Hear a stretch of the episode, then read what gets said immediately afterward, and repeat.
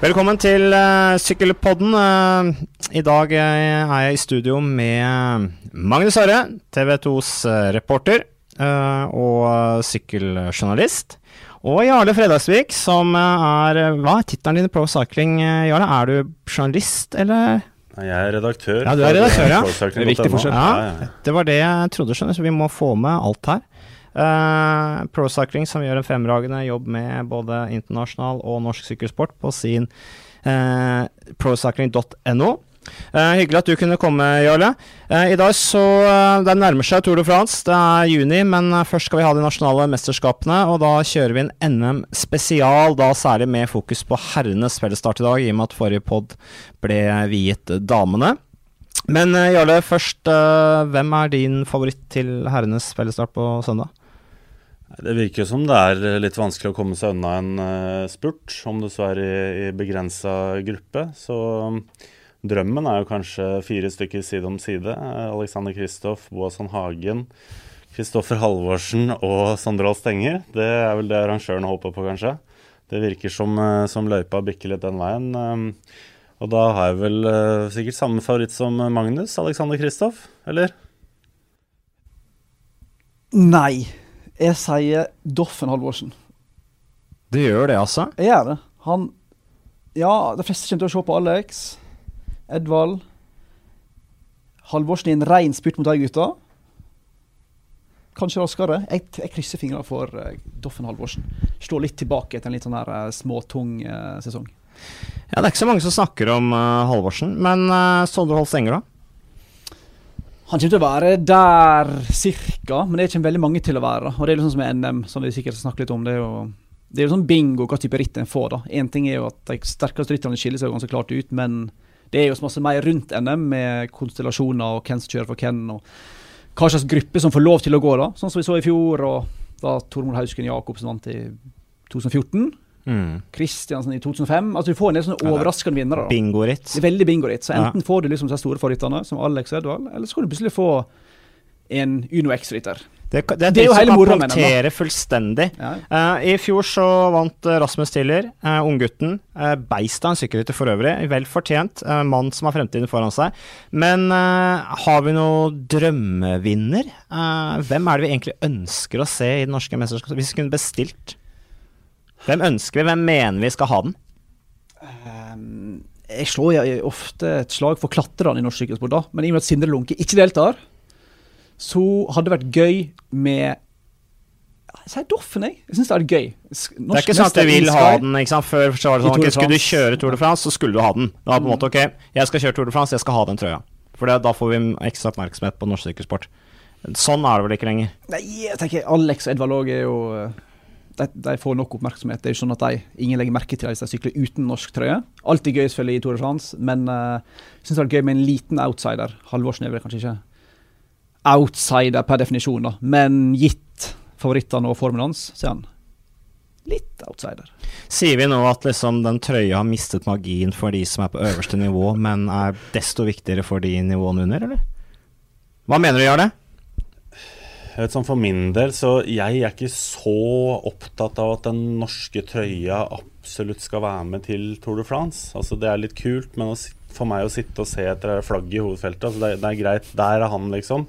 Men uh, hvis jeg liksom kan plukke meg drømmevinner, på en måte, jeg tror jeg hadde gått for en skikkelig dark horse, som vært Du sa at ingen tenker på Holst Enger. Altså, Daniel Hoelgaard skal jo sykle der. Mm. Tenk hvis han kunne stikke av med mesterskapstrøya. Det hadde, det hadde vært veldig gøy. Han er jo en absolutt uh, realistisk vinner òg. God til spurte, sterk. Ja. Klassikertype rytter, endagsrytter. Meget sympatisk, uten at det nødvendigvis hjelper han i et sykkelritt. Men jeg tror mange i Sykkel-Norge har unna Hoelgaard en opptur etter litt sånn Han har jo hatt en litt sånn småtung sesong. Han trenger det kanskje? Ja, jeg tror det. Både for framtida og for um, ja, mer støtte i laget i Francé de Sjø. Tror jeg det har vært vakt oppsikt med norsk mester. Det er veldig kult, faktisk. Han, ja, det er som du sier, da. Jeg har nesten litt glemt han, dessverre. Men um, ja. Men uh, NM er jo et uh, spesielt ritt. Uh, det er ikke som andre ritt. jeg har syklet noen NM-fellesstarter sjøl, og da du kommer fra utlandet, hvor det er liksom en viss rytme i utviklingen, og så kommer du da plutselig til et ritt hvor det er ganske forvirrende pga. mye allianser, koalisjoner osv. Uh, og jeg har tatt en prat da med Magnus Børresen, som er sportsdirektør i Team Coop, hvor vi bl.a. snakker om samarbeidet med Alexander Kristoff. Hør på dette! Magnus Børresen, vi sitter ute på landsbygda utenfor uh, Sandefjord. Flott hus dere har leid der, forresten. Rolig og fint. Uh, vi har uh, vært igjennom U23-fellesstarten. Det er lagtempo i kveld. Men først litt hva, hva, har du å si til opplevelsen deres på U23-fellesstarten? Nei, det var jo en litt vond opplevelse, det egentlig, sånn sett. Nei, vi hadde, vi hadde jo ambisjoner om å, om å vinne. Det, det, må vi jo gå inn med på et sånt løp som det. Målet var å bli norgesmestere. Og når man ikke klarer det, så er det jo skuffende, det, egentlig. Eh, rytterne var veldig skuffa etterpå også, eh, og det skal de være. Det viser at de er eh, konkurransemennesker. Så vi ble Vi, stilte jo bare fire til start, og vi ble to ryttere ganske tidlig. Og, og det fikk vi jo litt betale for når Uno X stiller med ni mann, som er vår argeste konkurrent for å ta de medaljene der. Uh, og, all, og, en Leknessund som er i kanonform og et ja. kjempetalent. Ja, og det, det var jo taktisk genistrek av dem å sende ut han i det lange bruddet han var i. Han, måte, selv om det ikke var han som vant, så gjorde jo han mye av jobben for de som fulgte opp etterpå. Så all ære til de. Uh, de kjørte et bra taktisk løp, og de var sterke, og de fortjente de medaljene de fikk. Men uh, for oss så var det en, en skuffelse. Håkon Aalrust, som var vår, vår mann den dagen, han kjørte et veldig bra løp og var veldig sterk. Men han ble litt alene mot slutten, og da er det vanskelig å få til noe når de konkurrentene har mange mann å spille på. Men nå er det, hvis vi hopper over tempo og gateritt uh, Nå er fellesstarten på, på søndag. noe av det gjeveste som er på norsk jord. Kjempeviktig for Team Coop som sykkellag. Prestisje å få den norske mesterskapstrøya. Det er jo et sykkelløp som er litt spesielt. du har lagene som er synlige på startstreken. Team Coop er et lag, men så har du også disse linken til disse klubbene, alliansene, koalisjonene, eh, til Stavanger sykkelklubb for deres del, og også selvfølgelig til UAE. Eh, og Alexander Kristoff, som jo er lageier hos dere. Eh, og han stiller også med et sterkt mannskap, vil jeg si, med, med Sven Erik Bystrøm og Vegard Stake Langen i tillegg, som kommer helt sannsynligvis til å jobbe for han, vil jeg tro. Uh, hva er målsettinga deres, egentlig, i Team Coop? Ja, Målsettinga vår er jo egentlig samme som på søndag. Det er å bli norgesmestere. Det er som du sier, det er jo det gjeveste du kan vinne i Norge, egentlig. Og få på en måte privilegiet med å ikle deg norgesmestertrøya et helt år. Så målet vårt er at en Coop-rytter skal ha på seg den til neste år. Eh, men så har vi jo den konstellasjonen som du sier, at vi har en link til Alexander Kristoff, og han har igjen en link til sine hjelperyttere. Eh, så det blir jo på en måte en eh, Ikke et samarbeid sånn direkte, men, men, på en måte vi må i hvert fall prøve å spille litt på hverandre og se hvordan vi kan, eh, hvordan vi kan gjøre det best mulig da, for, å, for å få best mulig resultat. Men det er ikke sånn at Alexander Kristoff kommer Han er jo ikke her enda, Det er ikke sånn at han kommer hit til Sandefjord, setter seg ned med dere kvelden før og så sier OK, dere kjører for meg. Uh, sånn og sånn er taktikken. Dere sitter og kontrollerer, legger opp til spurten, og den har jeg gode sjanser for å vinne. Det er, ikke, det er ikke, sånn det fungerer. Nei, Alex er ikke en uh, sånn type at han går og kommanderer uh, hva de andre skal gjøre. Så det er vel litt sånn at vi blir ikke sure hvis Alex vinner NM, men Alex blir heller ikke sur hvis det er en Coop-rytter som krysser målstreken først på søndag. Så vi må prøve å, å, spille litt eh, på hverandre og se om det er noen muligheter for å samarbeide. Og så er vi ikke noe sånn Ofrer vi oss ikke noe for hverandre sånn direkte, men, men vi kjører heller ikke sånn imot hverandre. Nei, Så det er ikke sånn at vi ser et spurtopptrekk fra Team Coop for Alexander Kristoff? Nei, det tror jeg ikke kommer til å bli. Og den løypa på søndag er ganske hard også, så det er jo på en måte veldig vanskelig å kjøre noe tradisjonelt spurtopptrekk. Så det Uh, og det er jo på en måte ikke en løype hvor du sitter og kontrollerer hele dagen, men du må, du må, være med på notene egentlig fra start, og det kommer til å bli kjøring. og vi så jo U23-fellesstarten og juniorfellesstarten, som er en god pekepinn på hvordan det kommer til å bli nå på elitefellesstarten på søndag. Og det var et knallhardt sykkelløp. eh, Begge de løpa med grupp, grupperinger, og det sprakk opp over bakken, og det samla seg igjen, og folk kom alene til mål, og det var, eh, det var et eh, ordentlig sykkelløp, så det skulle ikke forundre meg om det blir en solovinner på søndag, faktisk. Så. Så du mener det er tøff løype? Det er en tøff løype. Sånn, eh, I utgangspunktet profilmessig så ser den kanskje ikke så skremmende ut, men den er ganske teknisk eh, til tider. Eh, det er litt sånn svingete både før og etter eh, bakker. Og det kan være litt vindutsatt eh, etter den andre bakken, som gjør at det blir litt sånn ekstra strekk på feltet. Og det kommer til å NM er jo et hardt løp alltid, og det kommer til å tappe krefter i løpet av de 200 km der når du skal kjøre de tolv rundene. Hvem av dine ryttere er den løypa favoriserer best? Vi vet at Christer Hagen er en sterk rytter. Han er også i bra form. Kjørte bra i Danmark nå, var i brudd.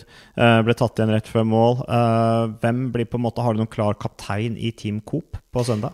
Nei, vi har ikke sånn klar kaptein. Vi har jo mange, mange gode ryttere, egentlig, så vi må se litt hvordan løpet utvikler seg. Eh, Men Christer er jo en rytter som kommer til å kjøre sterkt på søndag, det er ikke noe tvil om det. Så får vi se litt eh, hvordan vi kommer til å bruke han, og hvilke sjanser han, han har. Men vi har jo også Han kjører jo litt med hjertet, Christer. Sånn, har han gode bein, så kjører han litt sånn fransk stil. Eh, Ja, det, det kan du si, men han er jo også helprofesjonell rytter og veldig dedikert overfor oppgavene. Og han er veldig bevisst på hvordan man skal kjøre sykkelritt for å få best mulig resultat. Så eh, han er veldig lojal sånn sett og veit hva som forventes av ham på søndag. Eh, så får vi se hvordan han, vi kan bruke han, og hvordan han kan eh, få best mulig sjanser for å bli norgesmester. Så I tillegg så har vi jo Trond Håkon Tronsen, som har gjort det bra i år med flere seire og er god i spurt. Og Kristian Aasvold, også en eh, rutinert og erfaren rytter som veit hvordan man skal sykle NM. Og Håkon Aalrust var en av de sterkeste rytterne på U23-fellesstarten. Og det er jo ikke så stort nivåforskjell fra U23 til elitefellesstarten, så han kommer nok til å kjøre bra på søndag også. Så vi har flere mann som kan uh, gjøre det bra på søndag. Vi har ikke én soleklar favoritt der. Hvem tror du sender tidligst av gårde i brudd? Ja, det gjenstår litt å se, da. Vi må, vi må ta en prat eh, med alle rytterne når de kommer her nå. Alle er ikke kommet ennå, men uh, jeg er ikke helt sikker på hvem jeg skal sende først. Og hadde jeg visst det, så er jeg ikke sikkert jeg hadde fortalt det til deg. Men hvem anser du som den sterkeste rytteren i, i NM? Hvem, hvem er din favoritt utenom dine egne? Nei, på en måte, vi har jo sett eh, Edvald hvordan han kan kjøre, og ikke bare kjøre i bakker, men han kan jo, hvis han setter inn et ordentlig støt på slutten i en redusert gruppe, så, så er du ganske sterkt hvis du klarer å henge på han eller tette den luka til han. Så han er vel favoritten der, vil jeg tro. Eh, Hvem forventer du at han kommer til å alliere seg med i NM? Nei, Tradisjonelt sett så har han vel fått litt hjelp av Lillehammer og koblinga der. Eh, Lillehammer er jo mange ryttere til start. Eh, spørsmålet er om de har kapasitet nok til å kjøre hvis det blir et skikkelig hardt sykkelløp eh, hvor det blir ordentlig utskilling. Så kan det bli ganske Kan proffene bli ganske isolert ganske tidlig. Så det spørs litt hvordan kontinentallagene spiller korta sine, og hvor mye press de vil sette på proffene, egentlig. Sånn sett ser det ut som dere har en veldig sånn bred og sterk allianse, da. Med UAE, Coop og Stavanger. Ja, vi har litt å spille på, som sagt, men eh, vi kommer nok ikke til å kjøre som ett stort lag med, med samme taktikk. Eh, Det er flere her som ønsker å bli norgesmestere, så vi prøver å snakke litt sammen og, og samarbeide litt i de fasene av løpet hvor det er naturlig, men, eh, men det er ingen som på en måte trenger å ofre seg fra start til mål for eh, noen andre. Det er det ikke. Over til noe annet. eh, Resten av sesongen, hvordan blir den for deres, hva, deres del? Hva er neste store mål for Team Coop? Nei, Det neste store blir jo Arctic Race, eh, på en måte som en av de største store etapperittene i Norge. Uh, I tillegg så har vi jo egentlig fullt program egentlig fra etter NM og utover hele sesongen. Vi kjører Hallingdal i sommer og har en treningssamling også hele laget eh, i Norge i sommer. Og så går vi inn i høstsesongen med eh, noen løp i Sverige, og vi har noen de norske løpene med, med Gylne gutter og de nye UCI-løpene på Hamar. Og så i tillegg så kommer vi til å kjøre veldig mye eh, i Belgia, som har et veldig høyt nivå, altså klassikerløp og kombinert med pro-kermis. De, de løpene er jo kategori 1-løp, som det heter på UCI. Så det er eh, profflag som stiller i de løpa, og det Vinner du de løpa der, så viser du at du er moden for å ta steget ut i store verden. Dere har tidligere åpnet opp for å, å la andre unge utøvere prøve seg som prøveproff i den perioden som er på høsten, som jo er tradisjon. Uh, har dere noen nye på vei inn i den rollen i år? Ja, uh, vi har jo det, egentlig. Nå er ikke noe av de offisielt inne, så, men vi kommer nok til å lansere noen stasjærer som kommer til å gå inn hos oss på høsten, og inn i rittprogrammet vårt, som vi ønsker å se på og ønsker å ta inn og utvikle og eventuelt signere også for 2019. Norske? Ja, norske. Kun norske? Eh, Foreløpig så ser det sånn ut. Vi har jo også noen svenske og noen danske i stallen, så vi er ikke sånn at vi bare ser på norske ryttere, men eh, per nå så ser det ut som det er noen norske ryttere som går inn på høsten, ja. Magnus Børresen, da takker jeg for uh, praten, og så ønsker jeg deg lykke til på søndag. Takk for det.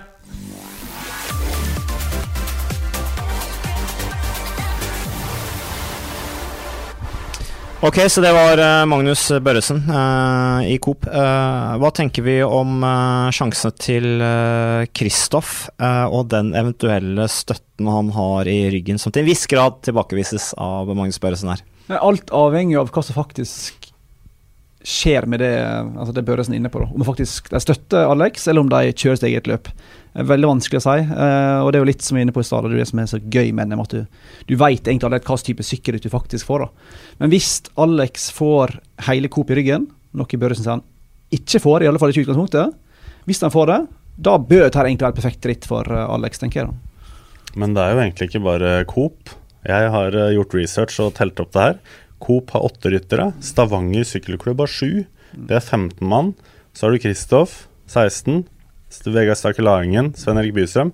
Potensielt så er det 18 mann. Ja, og så kan du jo si at Vegard Stakelaringen er egentlig fem. Ja. og Bystrøm er tre. Ja, ikke sant? så han har altså 30 ryttere da, rundt seg. Eh, det høres jo eh, ut som han vil kunne få nok støtte, og vil vi på en måte se Coop-rytterne spurte mot Kristoff i en redusert gruppe, f.eks.? Jeg tror ikke det. Jeg ser ikke for meg at, at Tronsen åpner en spurt versus Alex på et oppløp. Hva skal du tenker. Jeg mener at hvis de er i vinnerposisjon, så må de ta den muligheten sjøl. Altså, men et annet spørsmål er hvor mye hjelp trenger Alexander Kristoff? Altså, I California så har han kjørt rundt nesten uten støtte. Det går greit, det. Det er World Tour. Nå skal han uh, sykle NM. Han trenger jo ikke 15 mann rundt seg der. Da må du heller la de beste på Coop eller de beste i Stavanger få sin egen mulighet til å skinne. Da. Han har med seg to hjelpere. Det er ganske bra. Det er Halvorsen som du snakker om, mange han med seg, ja.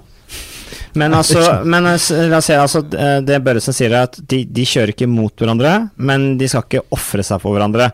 Eh, og la oss se litt sånn eh, helt logisk sett der, altså Alexander Kristoff er medeier i Team Coop, eller eier Team Coop. For han så er det vel egentlig bra om Coop vinner, eh, fordi at de trenger jo sponsor. De trenger jo støtte, og det betyr jo egentlig mer for de enn for han å ta den NM-trøya. Han, han, er jo allerede europeisk mester. Jo, men la oss diskutere det som er kjernen, da. La oss si at du har en gruppe med bl.a. Alex Edvald og en Coop-rytter. Så stikker Edvald med to kilometer igjen. Tetter da Coop-rytteren den luka? Eller, Eller samarbeider de? Da ja, samarbeider ja, da tenker jeg da vil en Coop-rytteren ofre seg. Tenker jeg naturlig. Tror du ikke det? det, ja. det Eller at de er med og drar. Ja. Det kommer an på situasjonen. Ja, det er hvis, det. hvis Alexander skjønner at her går toget, så tar han jo den sjøl. Altså, han er jo proff. Altså, hvis det er liksom tre stykker igjen, som er de tre sterkeste, og så er en av de Coop, altså, da er det jo da er det da er det jo hver mann for seg sjøl. Så kan du si at de har en binding, men altså, mm. det kommer litt an på situasjonen. Det er veldig spennende. Men altså, i forhold til regelverk så er det jo regler for liksom sponsing. Kan lagene hete det samme? Og det er for å unngå sånne problemtilfeller. Så kanskje bør man se liksom på reglene for eierskap av norske sykkellag også. jo, men det, det, er helt sant, da. For du har jo Ja, du kjøper deg sykkellag, liksom? For å jo, men du har jo regler mot at kontinentallag og World Tour-lag som sykler for med samme eier, type sånn som vi så ofte med Orbea og Eidsvoll før, kunne, de fikk lov til å sykle i samme sykkelritt før, men så kom det en regel som sa dette går ikke lenger. Og en, det er jo en, altså I alle andre idretter ville en laget en del kritisk journalistikk tenker jeg da, på det en ser i norsk sykkel-NM. For det er så mange bindinger, både fra klubber som ikke er formelt tilknytta, men som har altså type Lillehammer og Edvald, den klinga, men òg formelt gjennom Coop-samarbeidet. Så um, det kan hende vi skal Jeg skal slage lage dårlig stemning, men, men- det, er jo, det er lov å stille spørsmål med en del av uh, binding der, og om det er helt at det er sunt. da. NM er et deilig ritt fordi at eh, det er så mye som kan analyseres Mm. og spekuleres i. Men, uh, men uh, Edvald, Kristoff, hvis vi skal lage en uh, duell, da. Uh, hvem er det som på en måte ser ikke Edvald ut som han er litt alene, da? Jeg tenker liksom uh, Du har alle gutta fra Lillehammer, de mest kjøresterke av de. Mm. De er jo i De er jo liksom de, de har jo sine drakter på seg. De har sine farger som i Uno X, for eksempel. Altså, der, er, der står jo fargen på drakta veldig sterkt. Er, er han litt alene, eller, i forhold til Kristoff? Hva tenker du, Jarle? Ja, han er jo litt aleine. For altså, det er jo på en måte gå opp til Lillehammer og sprenge feltet, på en måte. Altså, men de kan jo gjøre en jobb helt i starten. Men de vil jo ikke sitte der i finalen, så han har jo ikke noe å lene seg tilbake og, og, og få hjelp av der. Men han er jo også tre hakk over de aller. Altså, han og Kristoff, det neste de skal gjøre, er Tour de France. Liksom. Formen er prima. Og jeg mener at Kristoff han trenger jo ikke så mye hjelp, han heller. Han kan potensielt få det, men det vil jo ikke være utviklende for laget han eier. Så Jeg tipper at Vegard Stake-Lagen stikker av med hele greiene. Ja. Han sniker seg av gårde på slutten, og så vinner han. God form. God form, ja, Spørsmålet er råsterk. sliten, da, men det er jo bare én dag, så det kan fort uh, skje, det. da. Ja. Men du måtte jo sykle mange NM Mm. med Tor og Kutten. Du hadde en del sånne herre Iallfall ifølge Tor, det gikk ei sånn ei kule varmt der av perioder når, når gjengen til Kutt så på Tor sin gjeng, og Tor så på Kutt. Hvordan var det på en måte der stemninga på tidlig 2000? Var det masse skriking? Det var et spesielt og sykkelløp. det var mye allianser. Ja. Uh, og jeg husker en periode det var liksom viss forventning om at uh, dette her at Ringerike skulle på en måte kjøre for Thor. mm. Uh, men så fungerte det jo ikke sånn lenger.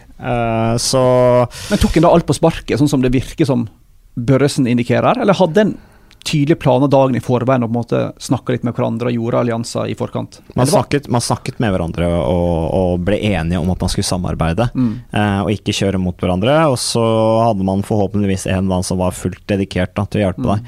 Så, men eh, NM 2007 var et godt eksempel på at Thor ble sittende litt aleine med Alexander Kristoff på hjul, og Kristoff tok den i spurten. Så det var, eh, det var bittert. Men eh, Kan jeg bare si noe om Coop, for nå begynner det å ringe fra Vestlandet allerede. For de er jo utrolig lokalpatriotiske. Altså Det de skal ha, det er jo at eh, miljøet der, om det er Stavanger eller Coop, de er sinnssykt drevne taktisk sett. Altså De vet hvordan man sykler løp, og det ser du også på NM-historien. Altså Du har den Hausken Jacobsen som du nevnte fra Eidsvoll. Og da sitter jo Kristoff egentlig offside, og så har de plutselig Strand Galta og Hausken Jacobsen i på en måte vinnerbruddet. Og også NM i fjor, som vi prøver egentlig å forbigå i stillhet. Der eh, angriper jo Bystrøm og blir jo nummer to til slutt. Og Coop har også folk å, å spille på der, så der annuller... Nei, der eh, Hva heter det? Må hjelpe meg. eh, de Nøytraliserte. altså det, Ja. det er jo det som kan skje. ikke sant, At, la oss si at det sitter en av Coop-rytter i brudd, da. Eh, og så setter bare UAE-rytteren seg på siden. Det er en Coop-rytter i brudd. Vi, vi vil ikke kjøre inn han. Eh, så det, og det vil jo bli spesielt i så fall, så det blir jo spennende å se. Men eh, når det gjelder Uno X, så har de mange med bakgrunn fra Lillehammer. Eh, de dominerte jo U23-rittet voldsomt. Eh, sendte Andreas Leknessund ut i selvmordsbrudd. Eh, og det er, sier kanskje litt om Leknessund, at han er ikke akkurat høy på seg sjøl. Han er ikke sånn Nei, vet du hva, jeg skal i hvert fall ikke gå i noe selvmordsbrudd. Jeg er sjefen. Jeg er best av dere. Jeg er best form. Hvorfor kaller du det selvmordsbrudd? ja, hans, det var jo et langt brudd. Ja, ja, men Tiller blåste sin egen sjanse på å kjøre den inn. Ja, ja. Så, så Tiller vinka farvel til sølv eller bronse, bare med at nei, det her går ikke, han skal ikke få gå inn og vinne. Så det var jo alvor, da. Så Kall det gjerne selvmordsbrudd, men han kunne jo faktisk ha gått hele veien inn. Men nå endte det opp med at Tiller eksploderte sjøl ved å liksom hente den inn, og så gikk det kontra fra lagkamerater. Så da fikk du igjen for uh, lagstyrken sin. Men det var i hvert fall imponerende kjøring. Uh, kollektiv styrke Vi forventer selvfølgelig ikke å se samme dominans med Uno X nå. Nei, nå er det såpass. Nå stiller jo altså det er mye større kontingenter fra jeg, alle leirer. Det var heftig overvekt, uh, iallfall kvantitativt og kvalitativt, for så vidt, i UnoX Uno X på U23. Men Ja, eh, men jeg har jo også et par karer som ikke var med i U23. da. Abrahamsen kommer. Anders Skårseth er jo en outsider i riktig gruppe. Eh, Og Syver Wærsted er jo også bra, selv om han ikke vil være noe favoritt foran eliteklassen. Tror vi at de vil sitte litt bak og se an situasjonen og Jeg tipper de kommer til å kjøre like offensivt som de pleier. Jeg. Jeg tror de heller lar det bli jobben til Joker. jeg. Tror du det? Ja. Nei, jeg forstår det. Spennende blir i hvert fall å se. Jeg har tatt en prat med tre av fire direktører i UnoX bak i deres imponerende lagbuss, uh, der de har sin NM-base da ved Brunstad konferansesenter utenfor Sandefjord. Dessverre har vi litt problemer med lyden, men vi hører allikevel.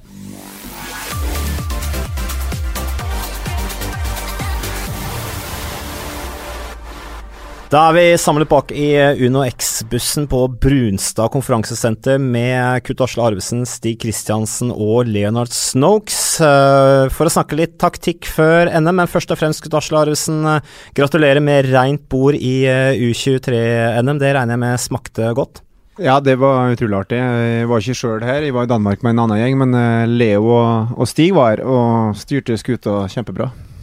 Dere sendte av gårde stortalentet og formsterke Leknessund i selvmordsbrudd eh, med god effekt. Kommer du til å bruke samme taktikken på søndagens spillestart?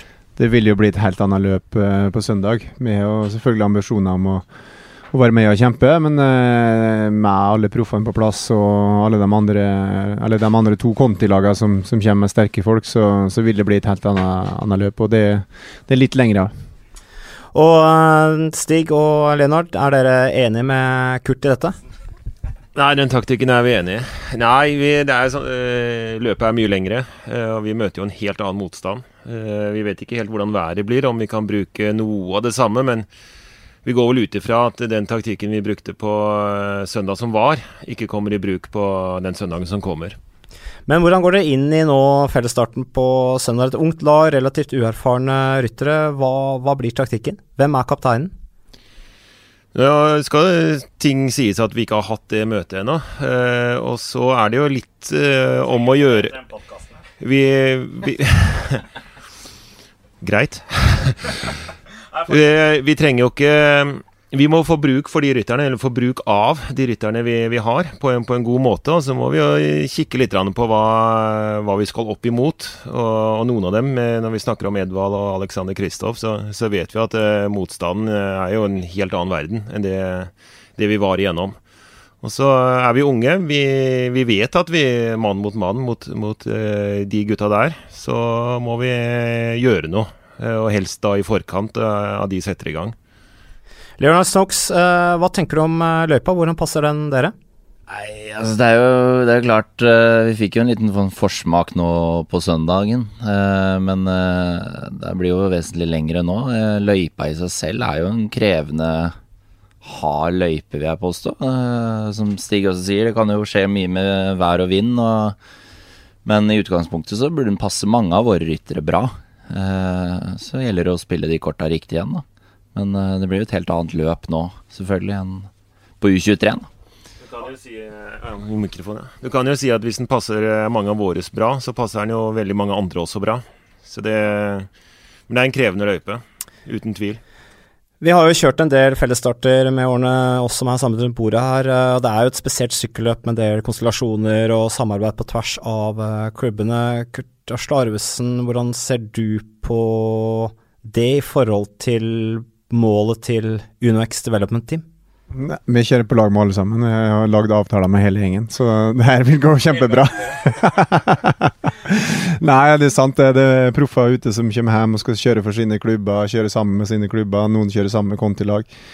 Vi er helt uavhengige der. med vi har vel ikke noen avtaler med noen, så selvfølgelig skulle vi ha kjørt sammen med Lillehammer og Ringerike og alle proffene som tilhører de lagene, men da har vi blitt 50 mann, så det, vi får nok konsentrere oss om, om dem som har lik trøye. Selv om eh, to av de andre To av ryttere som kjører på klubblag nå, kommer jo til oss 29.6. Eh, Idar Andersen og Jonas eh, Iversby Widerberg, så, så er de klubbryttere, og de kjører ikke på lag med oss. Nå som klubbfargen til UnoX Development er såpass sterk, eh, og dere er så samlet som et lag, eh, dette her med Edvard Baasen Hagen og Lillehammer, forsvinner litt i hjelpen han vanligvis kanskje har fått? Er han litt alene? Hvordan ser dere på det? Ja, altså Det er ingen allianser, bortsett fra vi skal hjelpe Edvald med temposykkelen i morgen, eller forrige dag. så, nei da, så det er ingen allianser. Vi har ingen eh, allianser med noen av proffene, så det, vi står helt uh, uavhengig av, det. Uh, Edvald, uh, klart han er han uh, Edvald jo, er jo fra Lillehammer og har jo Norges største altså antallet seniorer. De stiller jo med 15 mann på U23, så han er jo ikke helt alene.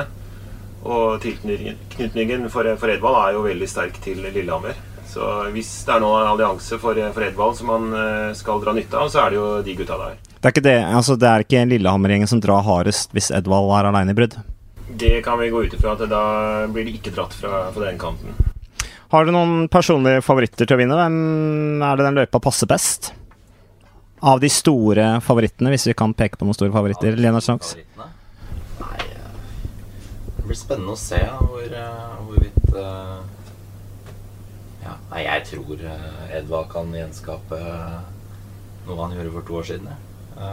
Så jeg holder kanskje en liten knapp på at det er noe som kan være faen. Men du har jo noen ryttere der som kanskje en fortenser Altså som kan gjøre, det bra hvis han har dagen. Det er Altså Sondre Holst Enger. ja, helt riktig. Så, men det var jo mange som på en måte forventet kanskje satte seg litt sånn i under etappene på Lillehammer med Norway der, hvor han på en måte kanskje ikke hang helt med. Men det, er- en vesentlig hardere bakke igjen. Men eh, nei.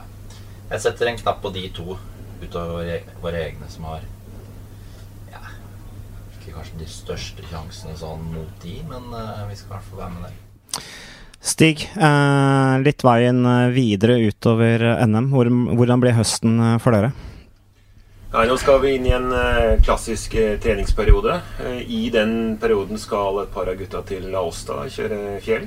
Og så skal en, noen av de gutta også inn i en samling i Alpene for å trene litt i bakkene til Lavernier. Ellers er august fylt av norgescup og Czech Cycling Tour, Arctic. Og så vår egen utviklingshelg på Lillehammer og Gylne gutter som UCI-løp, pluss en tempo. Og ellers så har vi noen eh, klassikere i Belgia og Slovenia. Slovakia, som jeg hadde tatt feil av, og Olympiatur. Så det kommer inn og Lombardia, Paris Vi har en ganske fyldig høstprogram til, eh, til oss å være. Kurt Aslede Arvesen, uh, hvordan har sesongen vært til nå? Hvordan er dere fornøyd med utviklingen? Det har gått uh, greit. Altså, vi har jo glimta til i enkelte ritt. Uh, høydepunktet i målet var eh, på Ringerike da Syver vant der. Uh, ellers så det har vært litt stang ut innimellom, men eh, med godt humør og med trua på, på, på langsiktig tenking og det som skjer framover. Hvor langt eh, tenker man fram i tid her? I laget, tenkte du. Mm. Nei, eh, det burde du spørre Jens Haugland og Vegard Solseth om, men eh, foreløpig så, så har vi en bra satsing som vil vare i hvert fall en fem år. Da ønsker jeg dere på kortere sikt lykke til på sånn her, noe du vil si, Stig? Som dere har på hjertet? Når dere først sitter her og hygger oss bak i bussen? Syns du kanskje at han glemte det høydepunktet som var nærmest, da? På søndag som var? Ja, det er klart. Korttidsminnet til Kurt er ikke så bra. Nei, det var klart eh, Ja, et stort høydepunkt. Jeg fikk jo det overbrakt på, i Hirtshals når vi sto og ventet på båten der fra, fra Danmark, så det var, det var stas. For dere er jo et utviklingslag, og da smaker det også litt sånn, Det har litt sånn symbolsk effekt å ta trippel i U23-NM. Ja, det er jo Det viser at vi har gjort noen ting rett, i hvert fall. Det, det kan vi være enige om. Da ønsker jeg dere lykke til på søndag. Takk for det. Takk, takk. takk. Ok, eh, Magnus og Jarle, det var uh, UnoX-direktørene. Eh, har vi det å tro Kan UnoX vinne dette her, eller? Hva tror vi? Jeg, tviler vel litt på det. Altså, U23-fellesstarten var liksom paradegren, men eh, dette er veldig mye tøffere. og De får noen forsterkninger, men eh, de er ikke like sterke som Joker-laget sånn breddemessig. Eh, fremdeles. Altså, det kan jo eh, vippe i deres vei ganske snart her nå, men jeg har vel mer tro på, på Joker eller Coop akkurat på, på søndag. Ja, helt enig. De er jo underdogs på alle måter. Men det som vi har sagt da, er konstellasjonen riktig, så kan du få ei gruppe som går. Og typer som du var inne på, da. Syverksted. Skårseth. Til og med en Tobias Foss, hvis han er i form. Det er jo usikkert hva han, um, hvordan det går med han om dagen. Så kan de plutselig ta, en, ta en overraskelse, men det er vel ingen tvil om at oddsen er ganske høy på Uno X i senior. Men uh, Joker i Ikopales de har vist knallform, uh, egentlig, eller veldig bra utvikling de siste månedene. de har kanskje igjen vist seg som ja, det er vel landets beste sykkellag, det kan vi vel kanskje konkludere med uten å tråkke noen på tærne, tror jeg. hva, altså Du har jo nevnt Joker. Hva, hva, hvem er det sterkeste kort? Hva, hva ender vi med der? Har de noe klar kaptein? Altså, Herman Dahl er jo i kanonform, da, men altså, han må nesten sannsynligvis prøve å vinne en spurt, da, og det klarer han jo ikke. Og så har de jo Er ikke han egentlig ganske god spurter, Herman Dahl? Jo da, men det, er Kristoffer uh, Boasson Hagen ja, og Halvorsen og Holst Enger vi snakker her, da. Og så har Markus Hoelgaard hatt en kjempesesong. Henrik Evensen er jo bra slag. Eh, Carl Fredrik Hagen, det er kanskje ikke en Hagen-løype, men han er jo fortsatt en, eh, en, bra rytter. Han må nesten komme alene, han. Ja, de har så noen utrolig sånne, vanskelig. Det er, liksom, det er dumt for Carl Fredrik. Han må nesten komme alene til mål, skal han vinne. Med bakker. Ja. Enda mer bakker. Ja. Men uh, hva med Kristoffer Skjerping? Jo, det er jo litt som Bjørn Tore Hoem. Altså, det er veldig mange av de som er outsider til å vinne, men ikke store favoritter, men ganske sånn likestilte, tror jeg. Jeg tror Joker igjen tar en veldig sånn her uh, åpen filosofi-ritter der. Den sitter på riktig plass, den uh, kjører en for. Skjerping. Rask. Altså, med riktig gruppe, absolutt farlig. Gode spurter. Ja, ja, absolutt. Så mange muligheter å spille på, da. Mange kort å spille på. Joker. Jeg føler kanskje med Joker at liksom velsignelsen og forbannelsen til Joker er at de alltid skal lage sykkelløp. De skal alltid ta ansvaret, de skal sprenge feltet, de skal alltid gjøre noe. De skal alltid markere seg. Men det er gøy, da. Det, det berømmer jeg for. Men noen ganger så mm. ebber ut i ikke ja. en dritt, for de har ikke den der avslutteren. Eh, så litt for ofte så havner de der, da. Og så får de kanskje ikke kred for den jobben de faktisk har gjort, men eh, altså, det handler jo om å vinne her. Ja. Men uh, Skjerping altså han omtales allerede som en veteran. Altså Han er 25 år gammel. uh, og han har jo egentlig fremtida foran seg. Jeg ble proff da jeg var 25, for øvrig. Uh, men vi kan høre på dette intervjuet jeg hadde med Kristoffer Skjerping forrige uke. Det er uh, hyggelig å være i uh, Eidsvoll hos, uh, hos Bjørnsrud og Skjerping. Og Kristoffer Skjerping, du kommer jo akkurat nå fra Tour de Oise, er det det heter? Ja. ja i Frankrike med seier til Henrik eh, Evensen. Hvordan, var den opplevelsen? Nei, det er dritkult å se, se lagkamerater vinne. Og uh, det er blitt en veldig sånn uh, fin gruppe på, på Joker nå, da. Så det blir jo etter hvert som du blir bedre kjent med, med gutter, så blir du kamerater. Og når du ser de vinne, så, så er det utrolig stort, altså. Så det, det å se Henrik vinne, det er på lik linje med å vinne sjøl, ja det er det. Men eh, Evensen han har ikke vunnet noe tidligere. Han har ikke vært noen seiersmaskin, men plutselig nå så løsnet det. Var det selvtilliten som gjorde at han fikk eh, Fikk han bare smaken på å vinne? Ja, han eh, kom i brudd de første dagene. Uh, utrolig i brudd. Han har vært i ja, alle etapperitt jeg har kjørt med han i år. Så han har alltid vært i brudd på første etappen. Eh, og Så holdt de unna med fem sekunder, og han, han tok spurten. Vant første etappen. Og da er det vel eh, ja, Det er jo sånn som ofte skjer, da. At du, du får liksom hull på byll, og så, og så, og så løsner det med sjøltillit og, og, alt sammen. da, så Ja, For det gir det siste lille? Ja, det, det gir det. Så um, Henrik har jo på en måte ikke Han har ikke vært en vinnertype. Han er på en måte sterk nok for det. Um, og nå har det løsna, da, så uh, det, det, er sikkert Eller det er jo helt garantert ikke den siste seieren til, eh, til Henrik. da. Men uh, for din egen situasjon, Kristoffer. Altså, du, hadde, du hadde en fantastisk uh, U23-periode. Annenplass i Flandern. Du ble tre i VM. Uh, og, og, så ble du proff. drømmesituasjon, egentlig. hvordan vil du beskrive de to årene du hadde i, i Candale? Nei, først og fremst så var det en fantastisk tid, da. Eh, det er jo helt siden du starta sykler når du var elleve år gammel. At du, det er jo det som er drømmen, da, å bli sykkelproff. Eh, så på en måte Jeg føler kanskje at du har sinnssyke forventninger da, til, til, det å bli proff. da. Eh, så kanskje litt sånn feil bilde av det egentlig. da. For du tenker jo at eh, når du blir proff, så er på en måte, da er alt på stell, og da ordner alt seg. da. Eh, så jeg vil kanskje advare folk litt grann, da, om at eh, det å bli proff eh, Selvfølgelig kjempestort, eh, kjempekult, men eh, det, altså det Du må gjøre jobben uansett. da. Og konkurransen er tøffere. Konkurransen er tøffere, ja. Og, Vesentlig tøffere. Det er ikke sånn at du blir proff og så kan du bare slappe av og kose deg. Det er egentlig da det, det, er jo da det starter. da. Og eh, det er jo et helsikens slit, men uh, allikevel. Det har jo vært, en, uh, har vært to fine år. og Fått sykla Flandern og Robé og, og, de store rittene. Så jeg føler på en måte du har, har vokst på det. da, og um, Samtidig er det kjipt å bli, bli amatør igjen nå, men jeg har jo et håp om å bli, om å bli proff igjen. da. Det er jo ikke noe gøy å sitte og liksom uh, systemforklare hvorfor man ikke er proff lenger, hvorfor man ikke har fått de resultatene man Nei. kanskje drømte om i utgangspunktet. Men ble du Jeg fulgte jo litt med på karrieren. Altså, fra første stund så følte jeg på en måte at du var litt utafor flyttsonen i forhold til det Altså, de tok deg ut av de opprinnelige rittprogram, rett til Argentina. Ble du litt rævkjørt, for å bruke det uttrykket? Ja, nei, da ble det noe. ja. så var det liksom Det var første ehm, eh, Første smell, ja.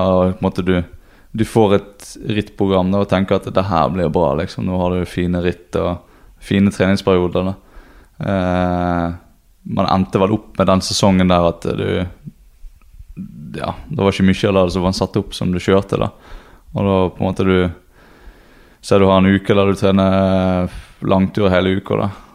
Og så blir du ringt, og så blir fortalt at ja, i morgen så skal du reise til Eller kanskje du bare får en flybillett på mail uten noen forklaring. Og da har du hatt en, en periode med langtur, og så skal du forvente at du skal være fresh til, å- til å kjøre ritt. Og da, det var litt, eh, litt utfordringer. Så um, eh, akkurat den biten der var ikke så, så veldig bra, nei. Det var det ikke. Men karrieren din er ikke over, du er bare 25 år gammel. Eh, så jeg vil ikke si liksom ja, hva skulle gjort annerledes som det der. Du kan bli proff igjen. Eh, jeg ble selv proff som 25-åring. Vi snakket om Jens Vogt tidligere, som ble proff som 7- eller 28-åring. Uh, hva, så istedenfor å si liksom hva skulle du gjort annerledes i dag, altså hva skal du gjøre annerledes hvis du får en World Tour-kontrakt igjen? I forhold til de erfaringene du har. Nei, jeg må være veldig um, selektiv i forhold til lag, da. Uh, du må på en måte finne et lag som eh, ser potensial i deg, da. Og som har en Ja, som satser på unge ryttere, da. Som eh, Men det gjorde vel Candale òg? Nei. Ikke? Utenifra så, så ser det veldig bra ut, da. Eh, men på laget så er det, så er det eh, Ja. Det, det, er mye, det er ikke mye plan der, altså. Jeg skal være veldig forsiktig med, med å, å snakke dårlig om, om de, da. Men eh, eh, bare et eksempel da. på de to åra jeg sykla der, så er det ingen på laget som hadde tilgang til min, eh, min trening. da. Det er ingen som så på hva jeg trente, eller om jeg var i form eller frisk, sjuk. Altså, ja. Det er ganske skremmende når du er Ja, da var jo jeg 23, da. 22. Så lite personlig oppfølging fra lagets side, altså. Ja, det, det var det. Så um, jeg føler på en måte Første pri er på en måte å Du må på en måte sette deg ned og se litt på trening og, og sette opp et program som Altså, du må jo få ting til å, til å stemme, da. Og uh, du kan på en måte ikke bare få en flybillett på mail, og så, og så har du kanskje vært uh, forkjøla i en uke, da.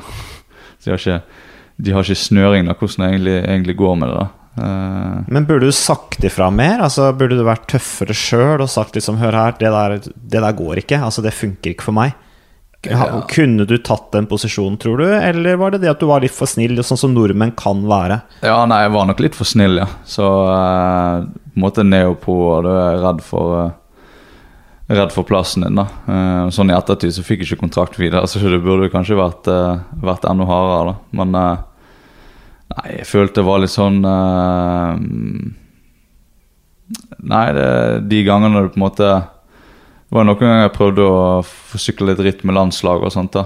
Og uh, jeg husker en gang når vi skulle sykle det her eh, Jeg ble vel egentlig tatt ut til å sykle det her i Baku. Europeiske sommerlekene, Ja. ehm, så da sendte jeg mail da, til han øverste sportsdirektøren at jeg hadde har blitt tatt ut, og hva han tenkte om det. da. Og eh, da fikk jeg bare svar tilbake at eh, det var uaktuelt. og Du skulle ikke gå bak i ryggen på, på laget sånn som det der. og jeg, jeg ble helt, ble helt satt ut, egentlig. Eh, du, går ikke bak, du går ikke bak i ryggen på laget når du blir tatt ut og, tatt ut og kjører dritt ritt for landslaget. da. Så um, Kjørte ikke du også Fjords på landslaget? Ja, kjørte Norway da, i 2016. Så eh, da var egentlig Ja. Da var det kommet til et punkt at du var, da hadde mer lyst til å kjøre landslaget enn å- enn å- sykle for laget. da. Og det var, skulle vel egentlig kjøre til California. Så uh, fikk jeg lov til å kjøre uh, Norway, da. Så det var jo Det var gøy. Men eh, Kristoffer, eh, nå eh, NM.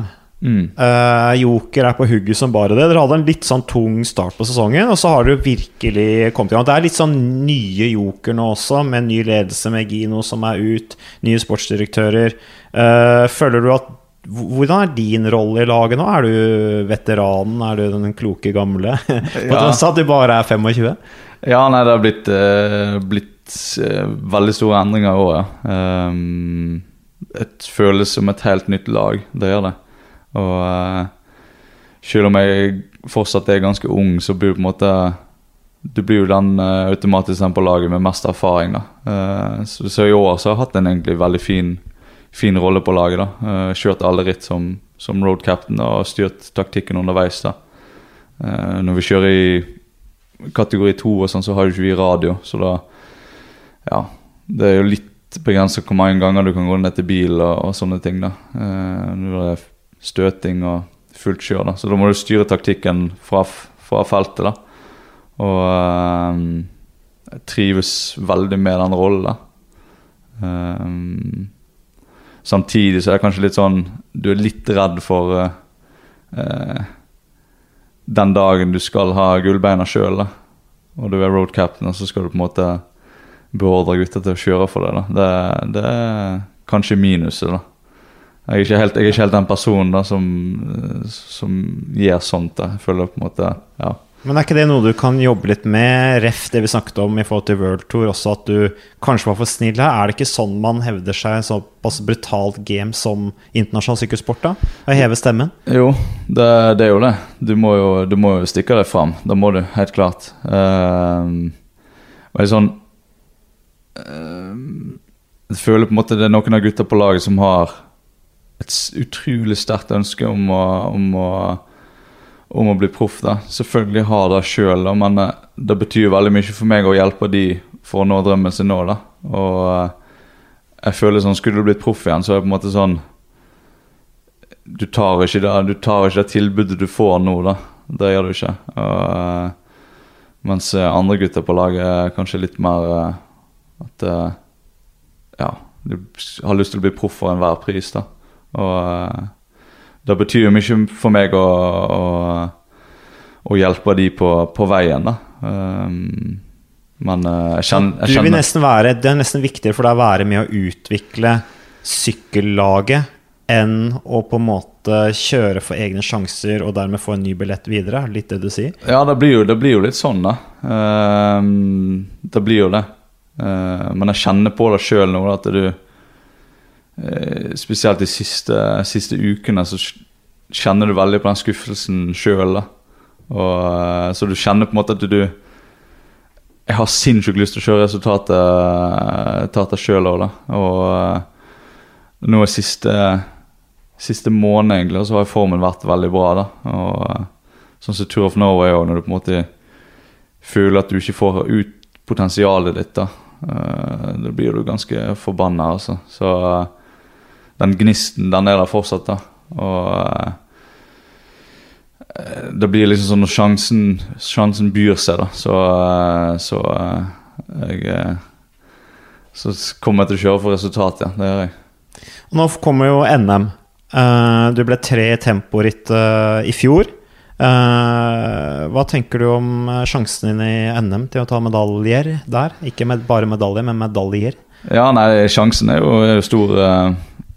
Vil jo påstå at jeg har tatt noen hakk, på, hakk opp på, på tempo i år, da. Eh, blitt litt mer trening og så ja, litt mer fokus på eh, posisjon på sykkel og sånne ting, da. Så i fjor var vel litt over et minutt bak Edvald.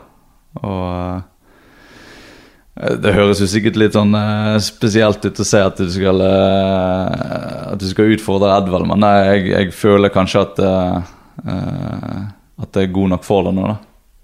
Og uh, ser sånn så um, Ja, nå er det Vangstad, Hoem og meg som er ganske jevne på, på tempo, da. Og jeg føler at vi skal være ganske Ganske mye nærmere Edvald i år, da. Um, å bli norgesmester, selvfølgelig, det er jo det er seigt. Det er alltid seigt. Edvald har vunnet de siste ti åra på, på NM-tempo, så å vinne, det er jo eh, Du må få litt hjelp av Reidar Borgersen da, og eksperttips. Og Er det han som har sett på sittestillingen din, eller? Ja, det er jo han som er trener nå, så eh, han har vært noen turer opp til Eidsvoll og, og, og Tjune, ja. Så hvis Edvald har på en måte fokusert litt mindre på tempo, så eh, har vi andre fokusert litt mer, så, så bør vi være nærmere. Dere får litt av et lagtempo-lag, da. Skal, skal du kjøre lagtempo? Ja, nei, eh, det som er dumt, er at du ikke Det er klubber der, da. er klubber, vet du. Så eh, hadde det vært team, så hadde jo eh, Tror jeg vi skulle tatt den ganske greit, ja. Virker sånn. Men eh, hva med fellesstarten, da, Kristoffer? Det er jo et spesielt sykkelritt. eh, og dere er veldig på hugget nå i Joker. Eh, kan du avsløre Det har kanskje ikke snakket så mye om taktikken, men jeg regner med at dere har begynt å snakke så, så smått om NM. Ja, vi var jo ganske høyt oppe nå etter, etter seieren i Loas, da. Så da blir det veldig sånn eh, Alle tenker på en måte at du skal komme til Norge nå, og så skal du bare eh, fortsette den trenden, da. Men det er jo ikke sånn det er jo ikke sånn det fungerer. Det blir jo et annet sykkelritt i, i Norge. og Du ser det når du kjører Norgescup og hvert år i at det, det er ikke alltid den sterkeste som vinner. da. Og um, taktikken er jo utrolig viktig i, i, i sånne ritt. da. Og uh, sånn som i fjor, når Rasmus uh, vant for oss, det er jo uh, Selvfølgelig Rasmus er en utrolig, utrolig sterk rytter, da, men jeg må, må vel innrømme å, si at det var flaks fra vår side. da. Der var det. Det var, det var gambling, og vi hadde kun én mann foran. Og det gikk, da. Det var ikke Han leverte. ja, han leverte, ja. Det var ikke det som var taktikken, da. Eh, så må må jo si at det var flaks. Det var det. Selv om, selv om Rasmus var, var den Han er sterkeste foran. beist, han rytter, da. Ja, det er han. Han er beist, rett og slett. Så det, det er jo den beste rytteren vi kunne ha der, da. Men eh, det var gambling, så jeg tror i, i år så Det vil nok ikke funke på, på samme settet, da. Og eh, jeg tror vi måtte prøve å eh, bruke den styrken vi har i laget, da. Bruke breddene. Og eh, må nok forklart det for få sendt ut mer enn bare én mann i bruddet i år, ja. Men eh, for din egen del, du hadde kledd den norske mesterskapstrøya, hadde du ikke det? Jo, det hadde vært noe. Det hadde satt fart på, på karrieren, ja. Så eh, det er en drøm jeg har, ja. Å bli norgesmester. Skikkelig norgesmester. Ikke, ikke U23 eller junior. Det er å bli senior norgesmester og faktisk kunne bruke den trøya, det, det er en drøm jeg har, ja.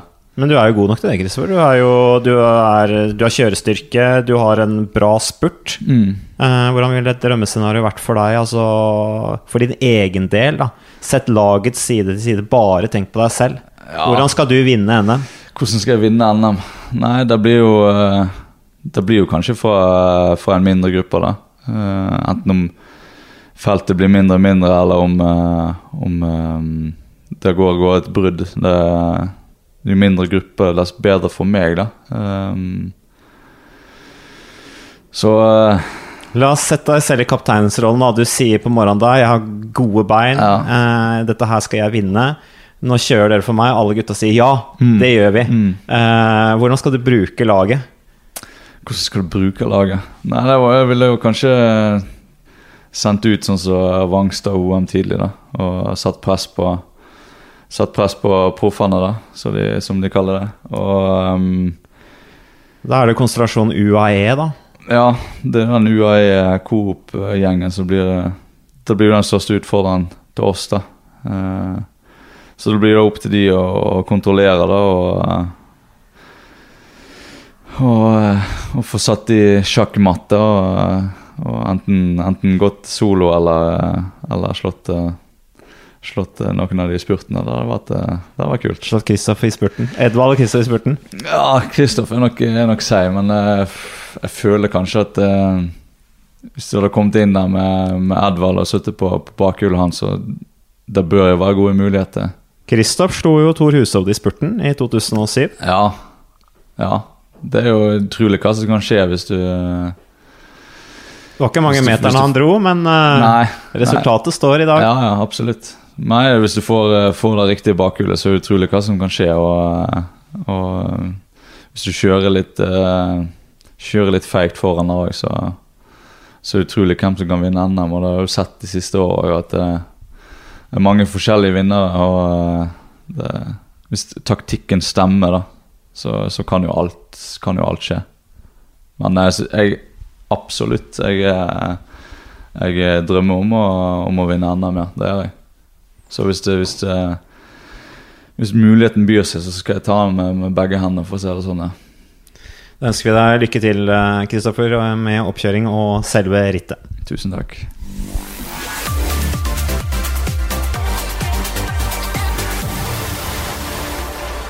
Det var også Kristoffer Skjerping. Eh, Vi unner Skjerping seieren, gjør vi ikke det? Hvis han hadde vunnet. Det hadde vært litt hyggelig. Absolutt. Snillere fyr finner du nesten ikke. Så Nei, det- gjerne for min del. Hvilken opptur det ville blitt. ja. Han fortjener en opptur. Ja, så vi setter eh, Vi krysser fingrene for Kristoffer Skjerping, som du sier, Jarle. Snill gutt. Nå er det mye snille gutter da i feltet der, så hvis vi skal liksom kåre den mest sympatiske, så, så blir det en voldsom utstillingsprosess. Var du like snill på sykkelen som du er sånn når du er aktiv, som du er liksom blant oss vanlige folk nå? Jeg var ulv i forkleet. det var det. Nei, vi skifter fokus. Uh, Tour de France uh, nå. Uh, Tour de France nærmer seg, og folk spør da hvor mange altså Når vi er inne på Norge og norsk sykkelsport, hvor mange nordmenn får vi med til start? Og det endelige uttaket det er jo helt opplagt rett rundt hjørnet, og blir tradisjonelt endelig avgjort etter de nasjonale mesterskapene. Hvem av de norske er aktuelle i dag? Altså, Jeg har satt opp en liste. Kristoff, Edda Bosen Hagen, Amund Grønvold Jansen. De vet vi skal dit. Eh, hvis de holder seg på sykkelen i NM og, og ikke blir sjuke. Odd Christian Eiking, spørsmålstegn. Sindre Lunke, spørsmålstegn. Sven Erik Bystøen, spørsmålstegn. Vegard Stake Langen, eh, spørsmålstegn. Daniel Hogo, spørsmålstegn. Altså, Vegard Stake Langen og Daniel Hogo er vel egentlig ikke veldig aktuelle, men, eh, men bare sånn for publikum sin del, da. Eh, så for å unngå liksom hva med. Eh, hva, hva tror vi? Uh, ta Odd Christian Eiking først. Eh, han er jo sjøl veldig trygg på en plass, da. Sånn, han, jo, han sier jo sjøl at dette her så godt som er i boks. Men så kom jo de med et laguttak tidligere i veka der fem mann var klare. Han var ikke en av dem. Det er tre plasser igjen, og det er vel seks eller sju stykk som kjemper om de tre plassene. Ene er vel Sandro Møris, som sagt han ikke skal til Tour de France, han skal bli pappa. Så det er vel seks ryttere om tre plasser. Og blant de plassene der så har du Guillaume van Keirsbulk, den si, gamle, nye Tom Bonen. Kjempesterk Kjempesterke Tour de France i fjor. Eh, Pålitelig endagsrytter, i alle fall. Dion Smith, som er i fjor, og Peter van Speybrok. Det mange sterke ryttere. Men jeg tror han blir med, i og med at han har vært med på såpass masse av de rekognoseringsturene der. Men jeg, jeg, jeg tror ikke det er skrevet i stein helt ennå, altså. Jeg vet ikke hva du tenker, Jare. Jeg tenker også at Eiking skal dit. eh, men det er jo en sjanse å ta med seg Eiking til Tour de France. Altså Alle som kjenner litt til gutten, vet at eh, der er det, er det mye Tenker du på øldrikking nå, eller tenker du på andre ting? Nei, men altså han, han har jo, jeg sier det rett ut, han har jo et ganske stort ego. og liksom eh, I en gitt situasjon så går han 100% for sin egen sjanse. Kanskje laget hadde ønska at han valgte noe annet, eller og så er, Han er jo fersk og ubeskrevet. altså Han bra i, han var veldig bra i fjor sommer, da. Da var han jo ikke Tour de France. Uh, Uh, og han, det er jo en mann som kan snuse på en etappeseier på en, eh, på en god dag, men uh. Er det ikke nettopp det Wanty vil ha, da? Egor? Altså ryttere som kjører for sine egne sjanser, som på en måte De rytterne som har dagen, de går i brudd. Er det ikke det de vil ha? Jeg, tenk, jeg er redd at Wanty er litt mer sentrert rundt Guillaume Martin, som ble nummer 20-ish i fjor. Sånn fransk eh, vidunderbanen godklatrer. Det virker som de satser fullt ut på han. Altså, så hvis Eiking skal med, tror jeg han vil bli, om ikke sånn her eh, fast mann rett ved siden av Martin, men i alle fall låst på mange etappene, tipper jeg. da. Det virker som Vanti har stor tro på at Martin skal kunne kjempe om en topp ti sammenlagt. Ja, men de vil jo aldri måtte sitte der og jobbe Nei, veldig men mye. jeg- jeg- altså, jeg hvis tror nok man ikke har han noe får en med, fri så rolle. Man, men Jeg tror ikke han får en fri rolle Nei. i Tour de France som blir tatt ut. Da tror jeg det blir utgangspunkt som hjelperytter, som kan få lov til å prøve sine egne sjanser på enkelte etapper. Men det virker som Martin har ganske stor standing både i Frankrike og i Vanti. Så um, det er han laget er bygd rundt, da. ha, har vi tro på Eiking i Tour de France? jeg må bare si at Eiking er egentlig en håpløs hjelperytter. Det er akkurat det, er det- problemet hans. altså På én av 21 etapper så kan han kanskje være med å kjempe om en seier, men altså hva, hvordan løser han de oppgavene han får, og er han liksom så lojal og dedikert som du trenger gjennom et fransk treukersritt? Altså, det er en kjempesjanse å ta med han. Det har vært veldig kult. Jeg har en følelse på at han skal være med. Men du skal også huske på at han ble jo sjuk mot slutten av uh, Dauphiné. Ble like, altså med Rennarev, hvis det er lov å si det, ble jeg hengende i området der for å kjøre rekognosering. Altså det, er- det er ikke tilfeldig. Hadde han ikke vært aktuell, så hadde du bare sendt den hjem. Så han tror jeg er brennende aktuell, men det er en stor sjanse. Og det som er litt dumt for han, er vel at de skal vel ta uttaket rett etter det belgiske mesterskapet. Ja. Så hvis van Speiber og van Kersborg, så gutta der, imponerer der, blir de fort med. Eiking skal ikke sykle NM. Så han er jo, for å si det litt, satt litt på spissen, da, litt avhengig av at andre ikke leverer i eh, Belgia. da. Ja, og det skjer jo fort i sånt lag at liksom de ser på siste rittet, og Ja, så teller det. De, de, de er veldig følelsesstyrt, da, uttaket. Så nei, det blir spennende, men altså sånn Jeg har trua på Eiking. Mm. Uh, på enkeltetapper hvor han går i brudd, så er han en luring. Eh, han har en relativt god spurt også, i mindre grupper, så Og herlig ryttertype å ha i norsk skikkesport. Mm. Uh, altså på godt og vondt. Det er Ja. fantastisk med en rytter som for det første klatrer bra, som vi ikke har så, så, så mange av, og som i tillegg er litt sånn Vi gir litt faen, da, for å si det akkurat som det. Det er veldig Ja, han er litt sånn uh, fascinerende arrogant, Ja. på en måte. Ja, veldig sansen for han, så krysser fingra for at det kan bli masse show i Tour de France hvis han uh, deltar. Altså. Ja, så vi setter gudegave til oss i TV 2 i hvert fall. Ja, Vi setter en stjerne på Christian Eiking med til Tour de France. Vi vil ha Eiking med til Tour de France. Sindre Lunke, da? Apropos snille gutter. Uh... Jeg heller mot ja. Gjør det? ja. Jeg heller mot nei. Spennende diskusjon, dette her nå. jeg tror det er 50-50, egentlig. Altså, han var best av laget i siste rittet sitt, Route Sud, eller Occitanie som Mm. det heter nå. Skal sykle Mont Blanc disse dagene her. Han må prestere han der, da. både ut og inn i Han, han kan det, men i og med at det gikk såpass bra Han sleit, han fikk vel et litt mekanisk trøbbel på siste etappen i, i Rotesud, som hindra litt. Men i og med at han var såpass god form der, da, tipper jeg plutselig sjansene steg litt igjen. Men det er fransk lag, de liker jo best sine egne, som alltid der nede. Ja, Det er nettopp Så- derfor jeg syns at Sindre Lunke har gode sjanser, fordi at han kjørte såpass bra i det siste rittet, på tross av problemer. De så jo hva som skjedde. Uh, og allikevel så var han jo relativt bra plassert, og de, de ser på resultater. Uh, så Så ja, jeg vet ikke. Skal vi Men jeg vet ikke, det er jo litt sånn Han skal sykle for Varen Bargill da, i Tour de France, i så fall. Men Bargill er jo bare helt fullstendig ute. Sa jo selv han var mange kilo overvektig tidlig i sesongen og har jo ikke lert ett resultat. Han ble med 19 i Dauphiné sist. mm, Franske Jeg vet ikke helt hva det laget der skal Mindre Bargil tar en sånn Nibali og plutselig er i kjempeform, da. Sånn som Nibali og Aro er gode på. Så uh, kan det bli ganske sånn bekmørk uh, Tour de France for det laget til uh, Lunka, altså. Veldig Så trenger vi litt sånn trøndersk sånn Energi. Ja, ja, sant. Vi trenger det på Fortuneo-laget. Ja, ja. Nei, jeg vet ikke. Du ser veldig usikker ut nå, Jarle, på dette med Sindre. Det må jo være veldig motiverende å reise ned til Frankrike med en kaptein som er på feit, da, og jobbe for han i tre uker. Det må være helt strålende. Har du vært borti det, Mats? Det har Eh, nei, jeg har jo sykla sykkelritt med Kristoff Morova. Han brøt etter fem kilometer, men uh, altså Det var kanskje andre, en annen motivasjon han brøt for. Ja, han ville hjem til et eller annet. Men i hvert fall, eh, Sindre Lunke Jeg syns han virker i bra form. Uh, han har erfaring fra treukerstorer. Eh, han har kjørt både Spania rundt, Italia rundt, kjørt Italia rundt til og med med Tom de Melin. Mm. Uh, eh, han har et godt forhold til Bargil, virker det som. Mm. Uh, sånn at Ja, vi ser, jeg setter en knapp på han.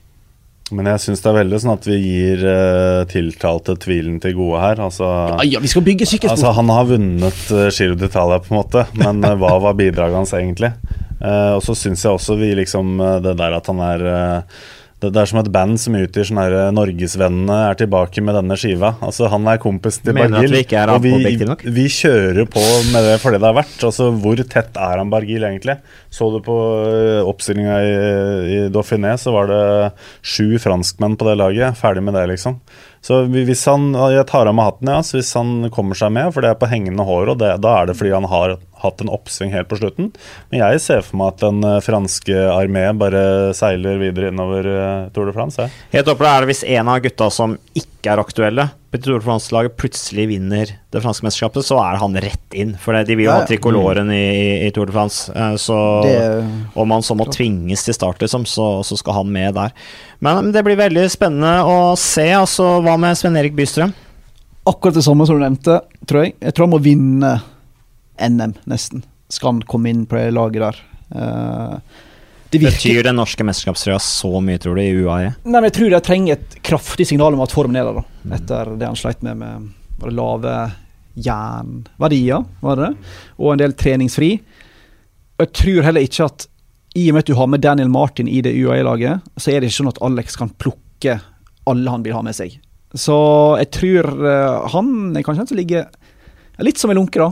Jeg- er langt fra sikker på at det går. Jeg tror egentlig, for å være helt ærlig, at det ikke går.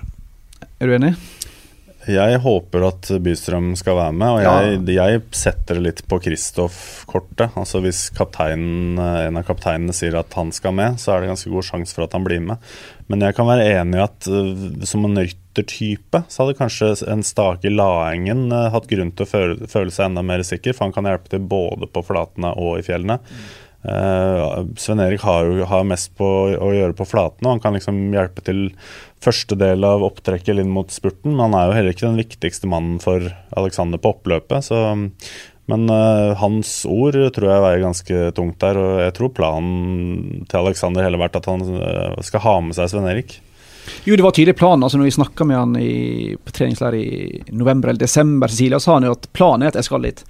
Men i og med at han fikk den sykdommen og ikke har vært helt Han har jo bare vært nedkjørt. Altså Ja. lave blodverdier. Men klarer du da å er finne- nedkjørt, da? Klarer du da å finne den energien igjen til å holde ut det harde sykkelrittet tre uker i Frankrike med et lag som i tillegg da, som sagt, ikke bare har Alex som fokus? Og redusert fra ni til åtte ryttere, som så det i Tour de France i år? Nei, Jeg, er redd at det heller mot at han ikke får plass. Til om det går. Jeg ønsker jo selvfølgelig å se han, som vi alle gjør. eh, Men, eh, men han, jeg unner han det, og det har vært gøy. Men, men jeg, jeg er veldig usikker på om det går. Altså, han har vært såpass energiløs da, som han har vært eh, de siste rittene han har kjørt. Men hva skal vi si om planen til UAE der? Altså De sender han til California. Han skal hjem igjen og kjøre Hammer, og så blir det plutselig en uke borte, for de bytter han fra Swiss og tilbake til Dauphiné. Altså Det er jo de som har kjørt den i senk. Virker som et ganske sjanseløst eh, opplegg, for å si det akkurat med det. Og det er jo ingen hemmelighet at kommunikasjonen internt i laget ikke har vært sånn tipp topp sett fra et norsk standpunkt. da. Altså Bare det å dele de to så ofte som de har gjort, og dele Alex sitt opptrekk i mange forskjellige fraksjoner gjennom sesongen, virker veldig merkelig. Uh, og så er det jo der wildcardet med Fabio Aro som er så viktig for dem, i og med at det er et italiensk lag. I bunn og grunn, i alle fall. Selv om det heter UAE, så er det jo et italiensk eh, lag. Og Daniel Martin, selvfølgelig, som har en veldig standing. Så jeg tror nok eh, Team Kristoff, og da inkludert Sven Erik Bystrøm, hadde sett for seg litt eh, noe litt annet når de signerte i forrige sesong. Men Kristoff har jo helt opplagt en Altså Vi vet jo at han har god standing fra start. Nå har han jo også noen seire, ikke sant? Så, så han har vel fremdeles god standing der. Eh, selv om han eh, ikke har eh, levert etter forventningene de aller største, så har han allikevel fått disse seierne, da, som gjør at han kanskje har en ganske sterk stemme. Og så må jo Sven Erik være ærlig. altså Hvis han ikke føler seg bra, så er det jo ikke noe gøy å være i Tour de France. Da, da risikerer han å ødelegge resten av sesongen i tillegg. Så eh, Men hva med en annen UAE-rytter, da, fra Asker? Eh, Vegard Stakke Langen. Det har jo aldri vært i planen hans, så det, det skjer nok ikke. Nei. Men uh, kjørte vel greit i, i Giro, en litt vanskelig Giro, i og med at Fabio Aro, som var kapteinen til Stakelangen, var såpass utafor at det ikke brøyt. Så det er vanskelig å vurdere helt hans bidrag der. Eh, men kjørte jo bra i Slovenia nylig. Ble nummer ti sammenlagt der. Og fikk ut det siste han hadde Ja, av så krefter etter det virker skirenn, helt eh, Da må det bli mange skader og mange frafall i siste liten for at du skal hive inn Stakelangen. Det ville vært helt Dessverre. vilt å sende han til uh, de Men det kunne jo kanskje vært, hvis det var ett lag som faktisk gjorde det, så var det vel nettopp UAE, da, i og med at de virker litt sånn uh, hodeløse i måten de driver rytterne. Nå er ikke det uvanlig at rytterne blir kasta fram og tilbake sånn når de er på et visst nivå, uh, men de bærer jo preg av å være litt sånn gamleskolen, syns jeg, da, UAE, når det gjelder det der å planlegge rittene og utvikle rytterne sine. Ja, men han tåler da, han tåler jo to Grand Tours i sesongen, det har han jo vist tidligere også.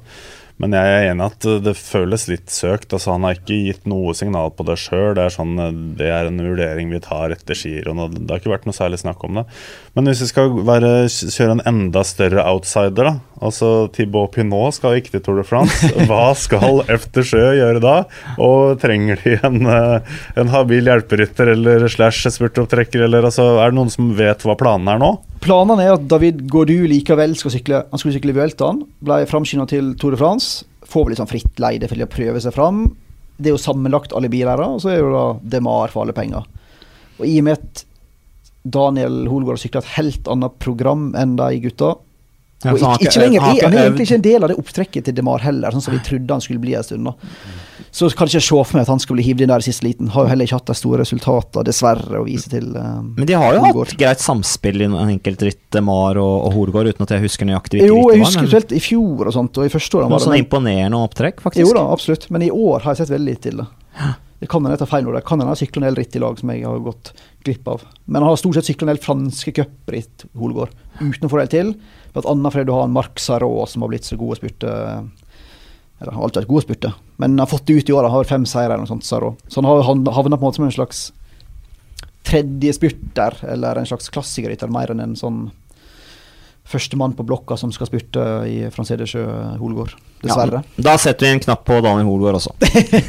Så, så Holgård har blitt efter sjøs Tom Leser, egentlig, som uh, falt ut av opptrekket litt sånn tidlig. Den, uh, eh, den er for det, det smale publikum, men ja, det er en god metafor, det. Ja, nei, men det er vel lite sannsynlig at uh, Holgård skal til, eh, til Tour de France, men eh, da Og så er det virker det som en del av disse gutta vi snakker om, Bystrøm, Stake, Holgård, har mye mer avslappa forhold til Tour de France enn det vi har. da.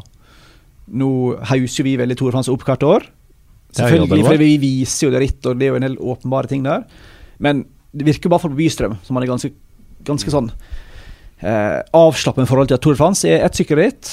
Vuelta i Spania er et helt annet et. Eh, jeg sykler der det beste de sykler. Det virker ikke som de er like um, skal vi si, hysteriske som enkelte av oss i TV 2 er, i alle fall når det gjelder Tour de France. Eller Pro-sakene. en del virker jo litt mer eh, moderate da, i forventningene.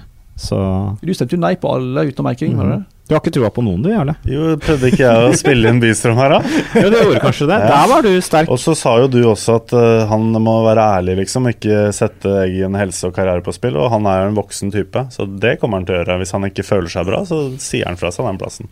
Det er jo ingenting som er verre Mats, enn å stille opp i vanvittig store sykkelritt, og du veit at her har det egentlig ingenting å gjøre. Har du vært har Nei, altså, ja, jeg kan skrive ned på det. Uh, så jeg skjønner veldig godt. Jeg tror det er veldig fornuftig av Bystrøm å ha litt sånn avslappet forhold til det hele. Altså, Tour de France er ekstremt hardt. Uh, det går ekstremt fort. Uh, og Bystrøm vet jo det bedre enn noen, at når du ikke er i form, så er det bare lidelse. Han har ingenting der å gjøre hvis han ikke er i bra slag og har energi, da. Men det kan jo snu fort, sant? hvis man justerer litt, trapper litt ned på treninga, at han får rom til å hente seg. Så plutselig kan han komme i form, så det blir jo spennende å se nå da på søndagens NM. Hvis han er liksom oser energi, har masse trøkk, eh, blir liksom dagens mann, så er jeg helt sikker på at Kristoff sier, vet du hva, ringer til sjefen sier, vet du hva, Bystrøm er tilbake, han må vi ha med oss i Tour de France. Jeg tipper det. Men dere pleier å ha med marsipankake til Edvald når han har bursdag og sånn. Kan ikke dere fylle opp bilen med blodpudding og brunost eh, til Wistrøm på søndag? Det er ikke så mye jern i brunosten som det var før, men, eh, men hvile hjelper, jo det òg. C-vitamin. Men uh, uansett, uh, Magnus Aare og Jarle Fredesvik, tusen takk for uh, at dere kom til studio. Og så bare kjører vi på videre. Vi kommer tilbake til mm, neste podkast. Da blir det Tour de France spesial.